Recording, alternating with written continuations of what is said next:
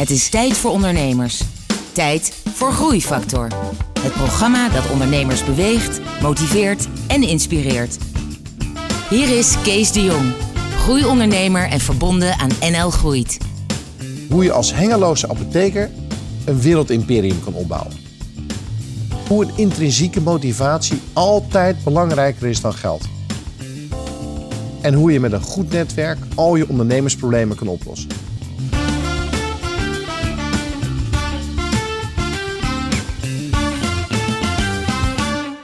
Hallo en welkom bij Groeifactor. Het programma dat ondernemers beweegt, motiveert en inspireert. Met een openhartig gesprek met een inspirerende ondernemer. En vandaag is Tatjana Romanik bij mij te gast. Tatjana, welkom. Dankjewel. Uh, Tatjana, jij hebt het bedrijf Aptitude Health Ja. opgericht. Ja. Ja, dat, Ja. dat klinkt al ingewikkeld. Nou, dat is het eigenlijk helemaal niet hoor. Aptitude is een woord dat komt internationaal voor. En dat is een aangeboren talent. En health, nou ja, dat is gezondheidszorg. Dus het is een aangeboren talent voor gezondheidszorg. Ik vond het wel toepasselijk Ja. eigenlijk. Nou, het ziet Ik er- zit namelijk in de gezondheidszorg. Het ziet er heel eh, indrukwekkend uit. Eh, uiteraard, we hebben je website bekeken. Ja. En, we hebben, en als ik het voor de luisteraar kort mag samenvatten. Mhm. ehm, jij hebt een, een, een club gebouwd. Nou, vooraf noemde je jezelf, ik ben een informatiemakelaar. Ik, ik ben eigenlijk zit op het snijvlak van, van geneeskunde, ehm, de, artsen en patiënten. En jij helpt farmaceuten en artsen en om de combinatie van wetenschappelijke inzichten door te geven en te vertalen naar praktische, ehm, praktische inzichten en, en, en handleidingen. Ja, en uiteindelijk met het doel, nee, dat heb je heel erg goed begrepen. Uiteindelijk met het doel om natuurlijk om eh, ervoor te zorgen dat de patiënten beter behandeld worden. En dat ze, dat ze eh, zo optimaal mogelijk behandeld worden. Ja. eh, overal ter wereld. Ja. En, En, ja, en voor, de, voor de luisteraar, jij hebt eh, een man of eh, 130 in dienst. Ja. Je hebt twee vestigingen. Hier één in Nederland, in Den Haag, Den Haag. Ja. En één in Amerika, in Atlanta. in Yes. Atlanta. Mhm. Om nog, nog beter af te kaderen van, van wat je doet. De meeste onderzoeken, de meeste, zeg maar, het gebied waarin jij met je bedrijf je bevindt, is grotendeels eh, rondom kanker. Kankeronderzoek. Ja, ja. Inderdaad, oncologie noemen we dat dan. Eh, Dus we hebben ook we hebben drie werkmaatschappijen in, eh, onder Aptitude Health. Dus de A, de Mhm. P en de T van Aptitude Health. Dat zijn al drie werkmaatschappijen. De, E- de A staat voor Access Oncology. We hebben een netwerk gebouwd in de Verenigde Staten van een kleine duizend artsen die consultant zijn voor ons. Dus waar we heel snel een infra, ja, met een infrastructuur die we hebben, ehm, eh, marktgegevens kunnen verzamelen, kwalitatief. En binnen 48 of 72 uur weer bij onze klanten kunnen krijgen, zodat de farma of de biotech-industrie, zodat zij hun productontwikkeling daarop kunnen aanpassen. Ja, dus jij zit een beetje op het snijpunt van, van alles wat nu hip, interessant en belangrijk is. Nou, hip weet ik niet. Het is inderdaad, het is een hot topic, Ja, zou hot. ik zeggen. Nou, hot is beter ja, dan hip. hip. eh, ehm, maar het is inderdaad, Ja, het is baard is uitermate. Eh, nou, uitermate belangrijk. niet Ja, nee, maar het is heel erg belangrijk. Ben ik heel, heel erg met je eens. En daarom eh, is dat voor mij. Ik ben, ik ben sinds mijn studie, sinds mijn, mijn afstudeeropdracht, heb ik alleen kanker gedaan. En waarom weet ik niet. Want iedereen vraagt me van waar komt die drive vandaan? Ik heb gelukkig, cross fingers, ik heb geen ouders die daarmee geconfronteerd zijn. Ik word nu wat ouder zelf. Dus ja, je komt in je omgeving natuurlijk steeds meer mensen tegen die ermee geconfronteerd worden. Maar ik Ja. heb daar altijd een hele erge, ik heb er een passie voor gehad. Dat heb ik nu nog. Maar, nou, in ieder geval, Prime. Laat ik daar even op terugkomen. Ja, dat is de P van aptitude. Dat Mhm. Is Professional Independent Medical Education. Ehm, wat we daar doen is geaccrediteerde nascholing, volledig onafhankelijk van de pharma. Daar krijgen we ook educational grants, unrestricted krijgen we daarvoor. Dat is de hele funding daarvan. Daar moet je aan allerlei eisen voldoen. En wij hebben recentelijk hebben wij een verlenging gekregen van onze CME-status.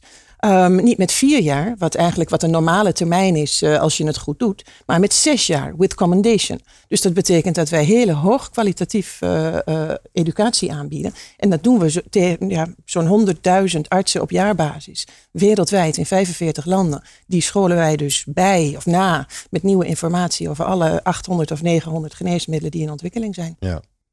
Nou, dat is de tweede, het tweede bedrijf. En dan hebben we het derde bedrijf. Daar is het ooit mee begonnen. Dat is TRM Oncology. Nou, dat staat voor Tatjana Romanik Mesken. Eh, dat was ik. Ja, de Mesken is er inmiddels afgevallen. Dat krijg je als je een bedrijf bouwt, maar oké. Want Uh, dat was, Mesken, ik ben 22 jaar getrouwd geweest. Maar op een gegeven moment, uh, dat was de man van, dat was mijn naam, Tatjana ja. Romanik Mesken. Nu heet ik weer gewoon Tatjana Romanik. Ja. En oncology is my passion. Dus TRM Oncology, daar is het ooit mee begonnen. En dat was okay. uh, strategisch consultancy, uh, en advies, uh, communicatieadvies, ook weer om producten. Uh, dat begint ongeveer twee jaar voordat ze ongeveer verwacht, verwacht worden op de markt. Om dan alles daarvoor klaar te maken met wetenschappelijke publicaties. Met nou ja, allerlei informatie die dan ja. verspreid moet worden en ontwikkeld moet worden. Om een grote lancering te ondersteunen. Ja. Oké, okay, iedereen die dit nu heeft gehoord, die denkt van wauw, dat is zo'n indrukwekkend bedrijf. Maar laten we gewoon even bij de basis beginnen. Je komt uit Hengelo. Ja. Ja, ik kom uit Hengelo. Dat is heel grappig. En mijn vader komt uit Oekraïne. Dus ik ja. ben half Oekraïens. En die is na de oorlog is die in Hengelo terechtgekomen bij, uh, bij Stork. Daar kreeg hij een baan aangeboden. En werd ook een opleiding voor hem betaald. Dus dat was heel goed. Ja. Nou ja, en daar is hij op een gegeven moment mijn moeder tegengekomen. En dat is, een, uh, nou, dat is de historie in vogelvlucht. en zo is het gekomen. Nu ben ik er en mijn zus. uh, en, dan, en dan nog een tweede interessant feit. Um, voordat je uh, dit bent begonnen in 2004, was jij, uh, heb jij bij de farmaceutische industrie ja. gewerkt en ben ja. jij eigenlijk daarvoor apotheker geweest. Je bent in ieder geval opgeleid geweest als apotheker. Ja, ik heb farmacie gestudeerd in Groningen. En, uh, maar ten tijde van die studie, de laatste twee jaar, want uh, ik, ik, ik had een bepaalde onrust en ik uh, wist niet of ik echt wel het ziekenhuis in wilde of een eigen apotheek wilde hebben, heb ik avondheer overgedaan omdat ik al, ik had al een, een, doctoraal, mocht ik instromen in het tweede jaar. Dus ik heb het tweede en het derde jaar avondheer gedaan, commerciële economie. Dat vond ik heel erg leuk. Uh, maar ja, toen was ik klaar met, uh, met mijn diploma. Toen was ik apotheker en toen moest ik eigenlijk nog een jaar avondheer. Ik denk van ja, dat is, laat maar zitten. Ik ga gewoon werken. Ik wilde me wel eens nuttig maken. Ja. En uh, ik had nog niks. Maar toen een, een uh, bevriende apotheker in een apotheek waar ik stage had gelopen. Die heeft mij gebeld of ik drie weken kon waarnemen. Want ze kon niemand vinden tijdens de vakantie. En het was net na mijn afstuderen. Ik kende de assistenten al, dus ik heb ja gezegd. Ik moet heel eerlijk zeggen. Na die drie weken wist ik heel zeker dat ik geen eigen winkeltje meer wilde. Echt. Er zijn mensen die vinden dat fantastisch, maar dat is echt niks voor mij. Ja. Is maar goed um, ook dat je daar. Ja, dat is goed. Nee, maar dat, het gaat toch allemaal zoals het moet, denk ik ja. dan op een gegeven moment. Wat bij je past. Um, en toen ben ik inderdaad, toen ben ik in de industrie terechtgekomen. Via, via, via eigenlijk een, iemand die ik kende bij een, een, een groothandel, een farmaceutische groothandel. En daar ben ik in de buitendienst begonnen. En eigenlijk vrij snel naar binnen gehaald. Ik heb daar eerst een, een medische registratieafdeling opgezet. Uh, toen werd ik uh, op een gegeven moment zelfs naar Parijs gehaald om een marketingpoot op te zetten voor een, een nieuwe business. Toen ja. werd ik teruggehaald naar Nederland. Toen moest ik de hele oncologie in Nederland eerst uh, eigenlijk omvormen. En, en ja, het, was, het, was, het ging niet meer zo goed. Dus dat, dat moest, ik, moest ik helemaal weer opnieuw opbouwen. En dat ging goed. Ik had al internationaal gewerkt. En na mijn tweede, dat was eigenlijk de periode hier in Nederland. Toen heb ik ook twee kinderen gekregen, huisje gekocht, et cetera. Dus dat was geregeld. En toen ben ik weer internationaal gegaan. Ja. En was verantwoordelijk voor Oost-West-Europa, Noord-Afrika, Midden-Oosten en Canada. Uh, binnen een groot farmaceutisch bedrijf en voor de hele oncologie. Ja, want jij zit nu in meerdere landen. Jij had dus al een, een internationale ja. scope. Ja. Het is niet ja. zo dat je gewoon hier klein begonnen bent. Maar jij dacht dus al groter. En jouw, jouw markt voor wat jij doet is uiteraard ook gewoon wereldwijd. Ja, maar ik wil niet zeggen dat ik niet klein begonnen ben. Het was meer mijzelf en I. Dus uh, ik ben ja, heel klein precies. begonnen. Toen je, toen je in, in 2000. Nou, leg toen ik in uit, 2004 begon. Leg eens even uit hoe die stap ging van, van zeg maar in loondienst. En ik neem ja. aan dat je na zo'n tijd een uh, vorstelijke salaris kreeg. Ik had een fantastische je baan. Kon, uh, je kon ruim leven. Zeker. Waarom heb je die stap gemaakt en hoe heb je die stap? Oh, daar had ik helemaal niks in te brengen. Of althans, niks in te brengen.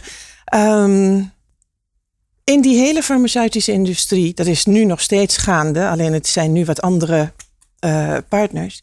Is zo'n 20, 5, nou, zo'n 15, 20 jaar geleden, is heel langzaam is zo'n zo'n uh, zo'n golf op gang gekomen van mergers, acquisitions, uh, allemaal van dat soort dingen. Ik heb er zeven overleefd. Ik, ik kreeg een fantastische baan aangeboden, maar dan moest ik naar New York. Ja. En ik had net, ik had een kind van, ik had een baby en een kind van twee, een man met hier in Nederland met een baan. Toen heb ik gezegd van nou nee, dan ga ik, ik kan niet verhuizen. Nee. Maar ja, toen was het zo van nou ja, dan ben je boventallig. Ja. Dus nou ja, ik heb dus drie maanden ongeveer niet geslapen. Ik denk, oh jee, want het energie wat je nu ziet, dat had ik toen ook. Weet je, ik heb, toen, ik heb altijd zo gewerkt. Ja. Maar het is eigenlijk is het meer zo van, nou, mijn man is international civil servant. Uh, die kan zomaar uitgezonden worden naar weet ik veel waar. Um, ik kan beter als consultant dan beginnen. Ja. Zo is het eigenlijk begonnen. Dus ik heb in eerste instantie, ik denk het eerste anderhalf jaar, ik ben in januari 2004 begonnen. De eerste anderhalf jaar heb ik ook alleen gedaan. Ik heb joekele grote projecten aangenomen. En dat was ook heel erg leuk om die binnen te halen natuurlijk. Dan was je eigenlijk gewoon een consultant ofwel stiekem een ZZP'er? Was ik eigenlijk, eh, ja, toen bestond het woord ZZP'er nog niet. Maar ik was eigenlijk was ik een ZZP'er. En als ik dan hele grote projecten had voor klanten, um, echt meetings van, van duizenden mensen, dan had ik had natuurlijk een netwerk van, van heb ik jou daar. Dus dan haalde ik er andere ZZP'ers. of andere overtollige nou ja, tijd. Maar in ieder geval mensen die, die, mensen die ja, uh, ook tijd over hadden en uh, waarvan ik wist wat ze konden. Tatjana, het moment dat jij bedacht van oké, hier wil ik nu een echt bedrijf van gaan maken. Wat gebeurde daar? Nou, in eerste instantie uh, blijkt dus dat ik um, goed ben in verbinden en goed ben in het zien van uh, datgene wat we allemaal hebben en waar we dan op kunnen bouwen om samen te werken. Dus je kunt verschillende mensen bij elkaar brengen. En um, dat zag op een gegeven moment, dat zagen mijn klanten ook. En ik was, toen was ik bezig met allemaal uh, freelancers. En dan wordt het toch, op, een gegeven moment kreeg ik zoveel werk. Dat, ik, uh, um, ja, dat we het eigenlijk niet meer aankonden. Dat ik, wel een, dat ik eigenlijk iemand intern erbij moest hebben om het allemaal ook nog aan te kunnen. Want ik was dan het stukje wetenschap, het stukje strategie, maar ik moest iemand voor de organisatie en dergelijke erbij hebben. En dat was zoveel werk dat ik toen echt mijn uh, voormalige marketingassistenten heb gebeld. Daar had ik al zeven jaar mee samengewerkt in, in, de, in de pharma, want daar, had ik, ja. uh, daar heb ik dus veertien jaar gewerkt of vijftien. En uh, dat is Hilda. En ik heb haar gebeld. Ik zeg, heel, het is tijd. Hm. En ze zegt, uh, dat was ongeveer anderhalf jaar nadat ik was begonnen. En ze zegt van, nou, ik dacht al, wanneer bel je? ja, die werkt er nu nog. en die is nu die is, uh, een senior director en die stuurt een heel wereldwijd uh, logistiek team aan binnen een van de werkmaatschappijen. Dus die is meegegroeid. En ja, um, nee, het is helemaal niet zo dat ik nou bewust heb gekozen om het zo groot te maken. Maar het, het, het ik denk dat het meer een passie is voor datgene wat je doet. Mm -hmm. En dan is het zo, dan komt er op een Want gegeven moment... dat gaf je aan, hè? Je had al eigenlijk al twintig jaar lang een soort passie ja. binnen dit veld en gebied.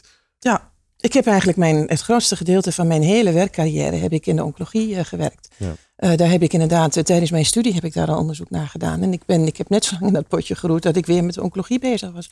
En dat is, uh, dat is nu al vrij lang. Dat is al meer dan 20, dat is al bijna 25 jaar. Jij bent de meeste ondernemers die we hier op de bank hebben. Die, ja. dat zijn ondernemers die zijn wat jonger begonnen met ondernemen. Of ja. die hebben één of twee jaar of een paar jaar ergens gewerkt. Ja. Jij hebt wat langer in de industrie gezeten. Ja. En ik vraag me nou af, uh, jij bent nu ondernemer. Je leidt een relatief grote tent ja. met wereldwijde uh, vertakkingen, dan wel wereldwijde klanten. Ja. Als, als baas en als ondernemer, wat is nou het grootste verschil toen jij dit deed voor een grote farmaceut? Waar, waar zit dat verschil? Oh jee, er zijn natuurlijk er zijn heel veel verschillen, maar met name is natuurlijk is het verschil dat je moet zorgen dat uh, je bent, je bent ook onderdeel van het schip. Alleen je moet zelf de richting bepalen. En het is niet dat, dat, er, dat er in principe dat er binnen een bepaalde richting dat jij een afgebakend iets hebt waar je voor verantwoordelijk bent. Je moet het hele overzicht hebben. Uh -huh. Je moet het boegbeeld zijn. Je moet mensen kunnen motiveren. En ik denk dat je dat ja, misschien nog wel meer, of dat het nog urgenter voelt, omdat het je eigen bedrijf is, dan dat je dat misschien binnen bedrijven zou doen. En, en zou iedereen in jouw vorige omgeving? Want het, het, lijkt een beetje random. Zou iedereen zeg maar ondernemer kunnen zijn? Of was het iets wat in je zat dat uiteindelijk toch is komen bovendrijven? Ik denk dat dit iets in me, dat, dat dit, dit zit in me en dat is komen bovendrijven. Ik denk wel dat veel, ik, ik denk dat veel meer mensen het kunnen ja, dan dat ze denken. Ja. Dat, is, dat is absoluut. Ik heb het zelf ook nooit gedacht. Maar op een gegeven moment, als je ergens in gelooft en je ziet dat datgene wat je doet, dat dat waarde toevoegt voor mensen. En dat mensen daar um, um, nou, blij mee zijn met, ja. met, met of die service of, of die informatie. Um, en je hebt echt, ja, je kunt echt zien dat je daardoor ook in de praktijk, dat je daardoor sneller bijvoorbeeld een adoptie kunt krijgen van een nieuwe behandelmethode. dat, dat ze het dus gaan gebruiken in de klinische praktijk. Um, ja, dat is, toch, dat, dat, is toch waar je het voor doet. Ja. Ik, ben, ik, ben re, ik ben een redelijk ongeduldig iemand. Nou, dat merk je wel. En uh, als ik dan ook voor me zie, dan zie ik nog een uitdaging van kanker. Daar moet nog ongelooflijk veel gebeuren. Maar als ik nu, ik heb nu lang genoeg achter me om als ik terugkijk te zien dat we ook al ongelooflijk veel hebben bereikt. Ja. Want toen ik begon, nou, kon je de geneesmiddelen kon je op één hand tellen. En ook de farmaceuten trouwens die daar onderzoek naar deden en die die producten beschikbaar hadden. Dat was chemo, dat was bestraling en dat was wat hormoontherapie. En uiteraard de operatie. Dat is er allemaal nog steeds. Maar je hebt nu je hebt de, de, de doelgerichte therapie heel erg goed. Wordt het allemaal veel beter van voor, eh, voor patiënten. En je hebt, nu heb je ook de immuno-oncologie. Ja. En je kunt nu echt veel beter kijken, uh, ook met diagnostische methoden, of een bepaalde patiënt echt uh, ja, nou, ik, effect ik, krijgt. Ik, ik, onderbreek je, want dit is sowieso een interessant iets. Maar wat ik eigenlijk interessanter vind, wat je net beschrijft, is de mate waarin je impact kan hebben als, als ondernemer, is eigenlijk groter dan dat je dat deed voor een corporate. Omdat je nu zelf het tempo kan bepalen. Als je nu kijkt naar je, naar je leven nu, uh, in het zijn van een ondernemer, wat, wat is nou hetgene wat je eigenlijk. Wat is nou het leukste? Het leukste van het zijn van een ondernemer als je het vergelijkt met jouw vorige omgeving? Uh, oh, dat is de vrijheid. Uh, mijn, mijn eigen uh, ja, geestelijke vrijheid eigenlijk. Als je voor een onderneming werkt, dan moet je toch, heb je toch een bepaalde agenda en heb je een bepaald doel om iets te verkopen. Dus dat is jouw drijfveer. Nu kan ik gewoon echt kijken van wat is het beste voor de patiënt. En dat moet je drijfveer zijn. En dat is mijn drijfveer. Ja. Dus ja, dat vind ik heel prettig dat ik dat nu zelf mag bepalen. Oké, dus die drijfveer en die impact. En als je nou eens omdraait, wat zijn dingen die eigenlijk ontzettend tegenvallen? Wat kost jouw energie? Wat is eigenlijk de minst leuke kant van ondernemerschap? Oh, administratie. Daar ben ik heel slecht in. Oh ja, dat is. Uh, ik, ben, ik ben degene die. Uh, ik, ik bouw op, op datgene wat er al is en ik zie mogelijkheden. Uh, ik, maar ik ben ook binnen. Ik ben, ik ben de, de innovatieveling, ik ben de verbinder. Ik, heb, ik doe ook ik doe HR, dus interne cultuur mhm. en strategische HR. Ik doe interne, externe communicatie en PR. En ik doe innovatie. Dat zijn mijn aandachtsgebieden. Uiteindelijk kijk ik natuurlijk ook wel naar de cijfers. En uiteindelijk rapporteren ze allemaal aan mij. Maar sowieso waar je dan allemaal mee te maken krijgt, uh, daar, daar, ben je toch helemaal niet voor opgeleid. Je krijgt te maken, sowieso als je internationaal zaken doet, internationale BTW, um, ehm, transfer pricing, international tax. Um, nou ja, en dan heb je natuurlijk, laat dan nog maar even staan, alle labor laws in de verschillende landen.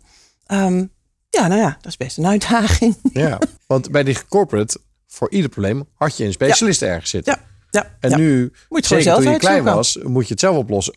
Of die specialisten zijn heel duur.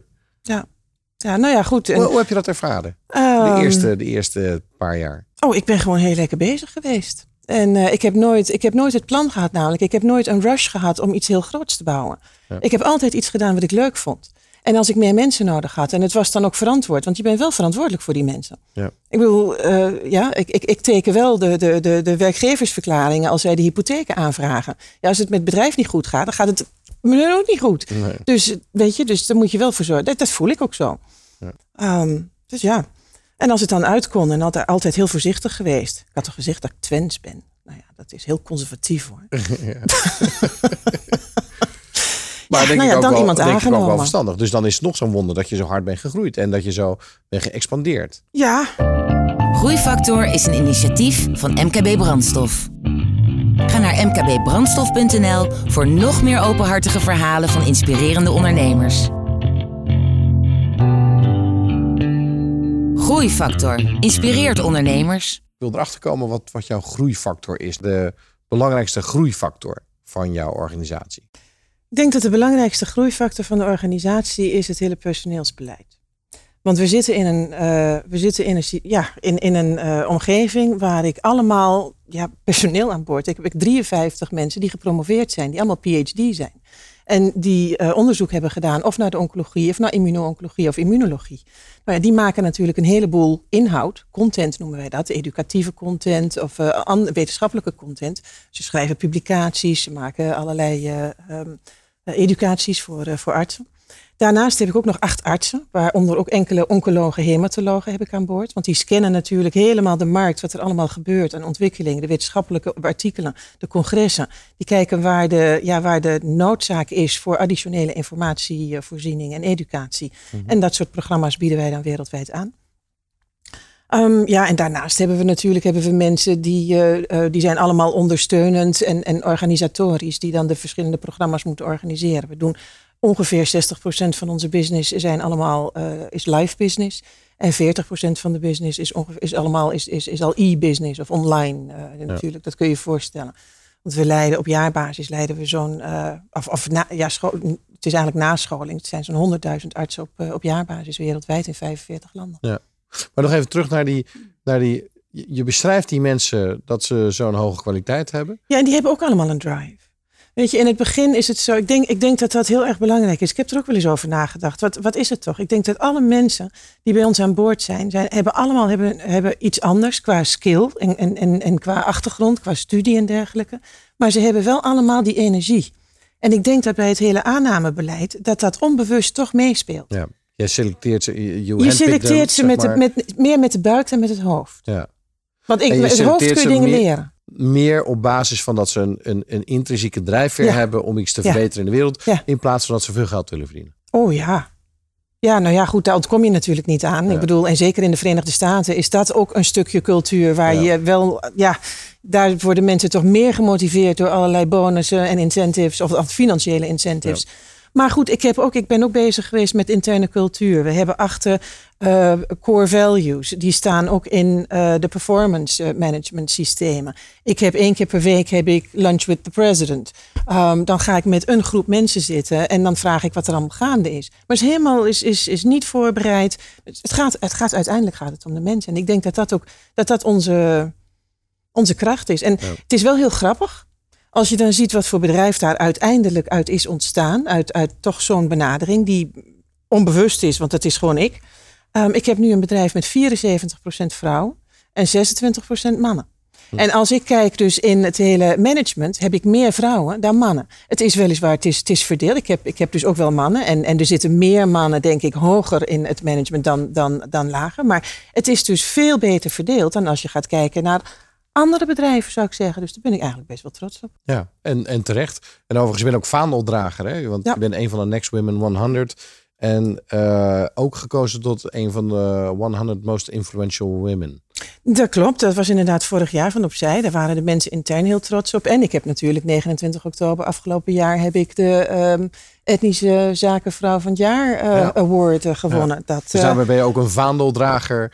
Ook Eh, nog weer voor dus- de etniciteit en, en, en de diversiteit. Maar dat vind ik dus heel erg leuk. Dat ik onbewust toch zo'n bedrijf ook heb gebouwd. Toen wist, ik, toen wist ik nog niet eens dat de EZVN überhaupt bestond. Ja. Maar, maar dus wat je ook aangeeft, als je dus kijkt naar de succesfactor van jouw bedrijf, het is een beetje eh, een soort afdruk van jou geworden, waar het gaat om de, de juiste drijfveren en eh, jouw eh, onvermoeide aandacht voor het bouwen van een cultuur waarin dat in stand blijft. En dan Ja. nog een beetje, zeg maar, feminisme, een beetje vrouwelijkheid eroverheen. Eh, als Nou, een, dat, eh, is, eh, dat zeg je, maar een beetje vrouwelijkheid in zoverre. Met name de vrouwen bi- binnen ons bedrijf, die zijn heel erg gefocust op kwaliteit. En ik weet niet of dat inderdaad daar iets mee te maken heeft. Het is natuurlijk, ik heb daar geen wetenschappelijk onderzoek die dat kan staven. Maar het is wel zo dat al die vrouwen zijn perfectionisten in al die functies. En die overzien allemaal afdelingen. Misschien heeft dat ermee te maken. Ik ben zelf ook een perfectionist. Ja, je mag niet generaliseren, maar vrouwen zijn meer perfectionist. Ja. Maar perfectionisme leidt ook eerder tot een burn-out. Dat klopt. Ja, daar moet je, daar moet je inderdaad voor uitkijken. Dus daar, ja, ik ben heel En even ik- dan het bruggetje van burn-out Ja, gebruiken. nou, dat, moet, dat is. Ik heb natuurlijk altijd heel hard, eh, heel hard gewerkt. Ik ben, ik ben iemand met dat soort dingen. Ik lees heel graag, ik leer graag. Ik ben altijd op zoek naar nieuwe dingen. Dus ik heb eh, wel geprobeerd om aan mezelf te werken. eh, en niet meer te verwachten dat alles precies zo gebeurt zoals ik het zou doen. Ja. Nou ja, dat duurt eventjes. Ja. Dus, ehm, maar ik heb, Want, ik heb, het, ik heb wel- het Maar ben je wel eens zelf tegen zo'n muur aangelopen? ehm, een burn-out. Ja, of, of ja, Hmm, nou, dat je de oplossing niet meer zag. Dat, je, dat, je, dat, je, dat het bedrijf energie kostte. Dat je, Tuurlijk, het kost, soms kost het meer energie en, en, en, en, en, eh, dan andere keren. En zeker als het wat, wat minder gaat. Ik heb ook, ik heb niet alleen maar succesverhalen natuurlijk. Ik heb eh, een, een filiaal gehad eh, al jaren geleden. Van, ik weet niet eens meer welke, welke jaren dat het precies was. Maar ik heb een filiaal gehad in Moskou. Toen werd namelijk de hele Russische markt nou ja, werd in ieder geval voor ons heel interessant om daar ook een filiaal te openen. En uh, ik had daar op een gegeven moment 15 mensen aan het werk. Nou ja, het was allemaal niet makkelijk makkelijk. Want als je het over bureaucratie hebt, nou, dat is in, in Rusland is dat nog tien keer erger dan uh, in, in nou ja, het ergste land in de rest van de wereld, denk ik. Mm -hmm. um, maar goed, dat werkte wel. En daar hadden we ook daar hadden we een paar miljoen omzet. Ja. Tot op een gegeven moment allerlei nou ja, politieke en macro-economische omstandigheden ervoor zorgden. Ik kon echt geen geld daar meer vandaan halen. Uh, dus ik, ik uh, kon er wel geld naartoe sturen, maar de, sowieso het geld devalueerde. Dus het was 50% minder waard in één keer als het daar nog in lokale currency stond. Ja. Uh, ik had daar al die mensen en dat is ook als je daar dan vanaf wil. Um, dat is misschien nog wel erger dan hier in Nederland, ook al hou je ermee op. Dus daar, valt, ja, daar ben ik wel even mee bezig geweest. Dat zijn wel even dat zijn enkele grijze haren die ja. er zo tussen zitten. Ja. Zie je dat wel als een, als een soort dieptepunt? Ach, weet je, wat is de definitie van een dieptepunt? Nou, dus vrij eenvoudig. Ja, maar een dieptepunt is een dieptepunt voor mij. Heel veel dieptepunten en dan pak je de laagste van. Dat is dan het echte dieptepunt. Ja, maar een dieptepunt voor mij is als je echt, als je er emotioneel ook niet meer uitkomt. Ja. Kijk eens, dit zijn allemaal zakelijke dingen. En ook al heb je dan op een gegeven moment, je voelt je echt verschrikkelijk. Omdat je die mensen op een gegeven moment moet laten gaan. En uh, omdat je, nou ja, het is nooit leuk om iets af te breken. Ik ben veel meer een bouwer dan iemand uh, die iets afbreekt. Ja. Maar ja, dus als je, daar, als je zegt, dan heb je soms wel eens slapeloze nachten. Van, ja, nou ja, ik heb, ik heb wel eens onrustig daarvan geslapen. Maar een dieptepunt zou ik dat niet willen noemen. Een dieptepunt vind ik als je echt, als je iemand die heel dierbaar is of dergelijke, die, dat je die zou verliezen. Ja. Nou, dat, dat, ja, voor mij is dat anders hoor. Dat ja. is minder, minder intens. Dus het sluiten van de vestiging in Moskou, die was, die was, die was zwaar. Heb je nog andere dingen? Tuurlijk. Er zijn ook perioden geweest dat je zo'n gigantische expansie uh, hebt, dat je op een gegeven moment dat je geen operating capital meer hebt. Nou, dan heb je heel veel werk en een ongelofelijke pijplijn, maar dan heb je geen geld uh, om je personeel te betalen. Ik herken het. Ja. Hoe heb je dat opgelost? Um, ja, ik ben, uh, ik, ja, luister, op een gegeven moment heb je natuurlijk, je hebt een bepaalde track record. Dus in eerste instantie ben ik naar de bank gegaan en heb, heb een krediet gevraagd. En uh, ja, op een gegeven moment werden, werden, we zo groot. En hier in Nederland, dat is dus wel, dat is onhandig hier van de Nederlandse banken. Die kijken alleen maar naar de omzet uh, die hier in Nederland wordt gegenereerd. En niet naar mijn wereldwijde omzet. Ja, gezien het feit toch minstens 50% ook uit, in mijn, in mijn US-filiaal wordt uh, gegenereerd. Werd dat dus niet, zeg maar, genomen als onderpand. op een gegeven moment, een bank in de Verenigde Staten doet dat wel. Ja, dan is het, dan is het niet zo moeilijk, hè? Want ja. je moet toch verder. Dus ja, dat soort dingen. Maar je moet er allemaal achteraan. En dat zeg ik dus. Dit soort uh, administratieve dingen, daar ben ik, niet, ben ik geen ster in. Dus ja, dan moet je op een gegeven moment moet je zorgen dat je de juiste mensen om je heen hebt. Die, uh, die allemaal expert zijn op hun gebied. Die eerlijk zijn. Dus waar je echt een goede band mee hebt. Waar je ook heel eerlijk kunt zeggen van nou jongen, wat je nu zegt, uh, dat snijdt geen hout. Netjes hè. Mm -hmm. Maar goed, en, en, dat heb ik, en dat heb ik op een gegeven moment, uh, heb je dat. Dat betekent wel dat je een team om je heen hebt die qua kaliber inderdaad uh, behoorlijk zijn. Um, maar ja, dat moet ook wel met, met 130 mensen aan boord. Ja. Dat, is, uh, dat, is, dat is echt dat is, dat is een behoorlijk bedrijf zo langzamerhand geworden. Welke inzichten en tips heb jij voor ondernemers? Ik heb geleerd in de afgelopen tijd dat ik uh, echt aan het ondernemen ben geslagen, dat het heel erg belangrijk is om een goed netwerk om je heen te hebben. Ik ben nogal, ik ben begonnen van kant zelf allemaal wel. Maar op een gegeven moment merk je toch dat je, uh, je hebt expertise nodig. Want je hebt, uh, je hebt mensen om je heen nodig die, die je kunnen adviseren.